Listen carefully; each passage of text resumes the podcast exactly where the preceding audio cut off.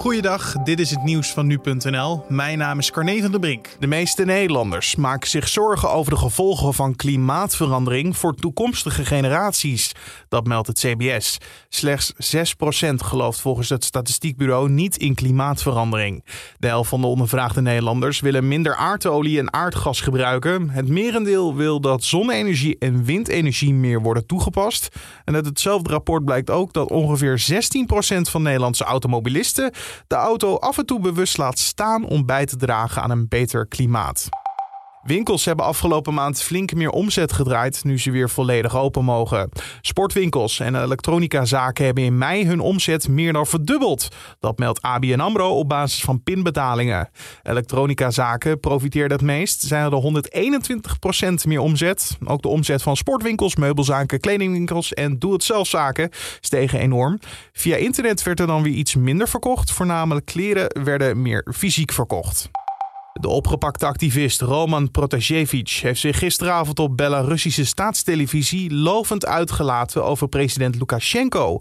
Daarnaast heeft hij gezegd dat protesteren tegen het regime geen zin heeft. Volgens mensenrechtenorganisaties zijn de uitspraken zeer waarschijnlijk gedaan onder dwang van de Belarussische veiligheidsdiensten.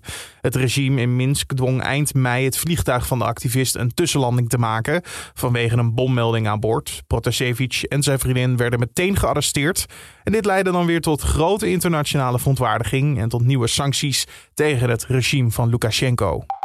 En dan voetbal. Het doek is gevallen voor Jong Oranje. Het is er niet gelukt om de finale van het EK voetbal onder 21 te halen.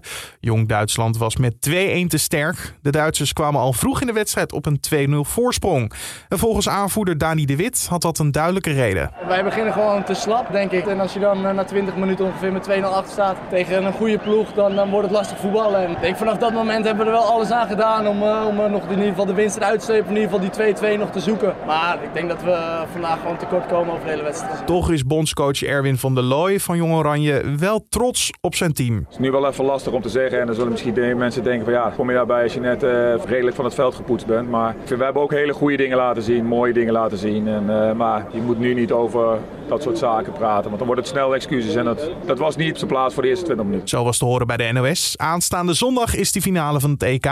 Duitsland speelt hier dan tegen Portugal, die zich al eerder plaatste. En tot zover de nieuwsupdate van nu.nl.